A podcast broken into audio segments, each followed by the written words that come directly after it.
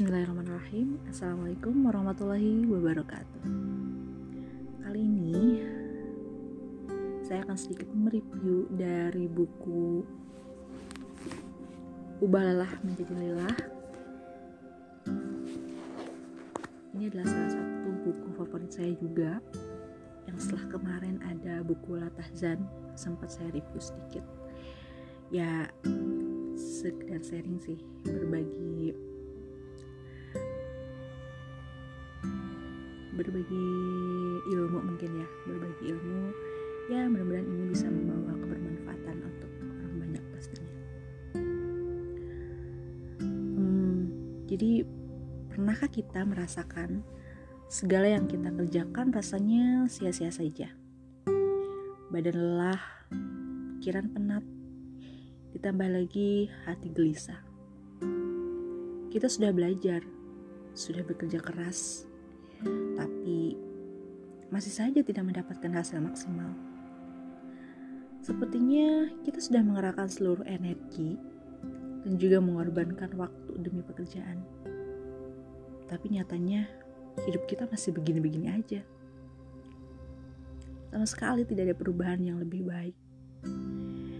Dan entah kenapa, hubungan dengan keluarga jadi tidak seakrab dulu interaksi dengan orang lain juga tak nyaman saja. Dan ada satu hal yang rasanya semakin membuat hati resah gelisah. Bertambah hari, bertambah pula jauh dari Allah.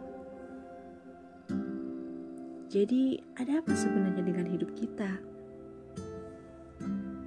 Bisa jadi kita sudah tidak punya arah hidup. Ya, asal mengalir saja mungkin entah nanti akan terjadi apa dan berakhir bagaimana. Yang penting jalani saja. Atau bisa jadi juga kita tidak lagi peduli dengan diri kita sendiri. Meskipun secara tampilan fisik kita begitu menarik mungkin, tetapi di dalam begitu rapuh. Bisa jadi kita tidak lagi peka dengan apa aja yang terjadi dengan keluarga kita terlebih lagi pada nasib hidup orang-orang lain. Tanpa kita sadari, kita sudah menjadi orang modern yang tak lagi memiliki empati dan belas kasih.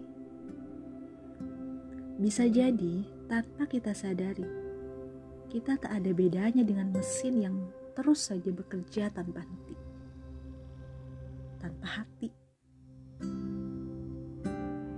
Bisa jadi, kita mengaku memiliki Tuhan, tetapi tidak pernah merasakan kehadirannya.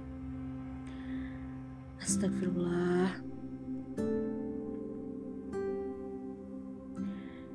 Begitulah. Terkadang untuk mengejar satu target saja, ada bagian dari hidup kita yang harus dikorbankan. Demi target pekerjaan, keluarga terabaikan, kesehatan kita tak terpikirkan dan bahkan hak Allah pun terlewatkan. Padahal itu hanya ketidakmampuan kita mengelola waktu. Atau memang tidak ada niatan untuk menyeimbangkan hidup. Semoga segala aktivitas kita sehari-hari tidak sia-sia ya. Segala lelah bisa berbuah bahagia.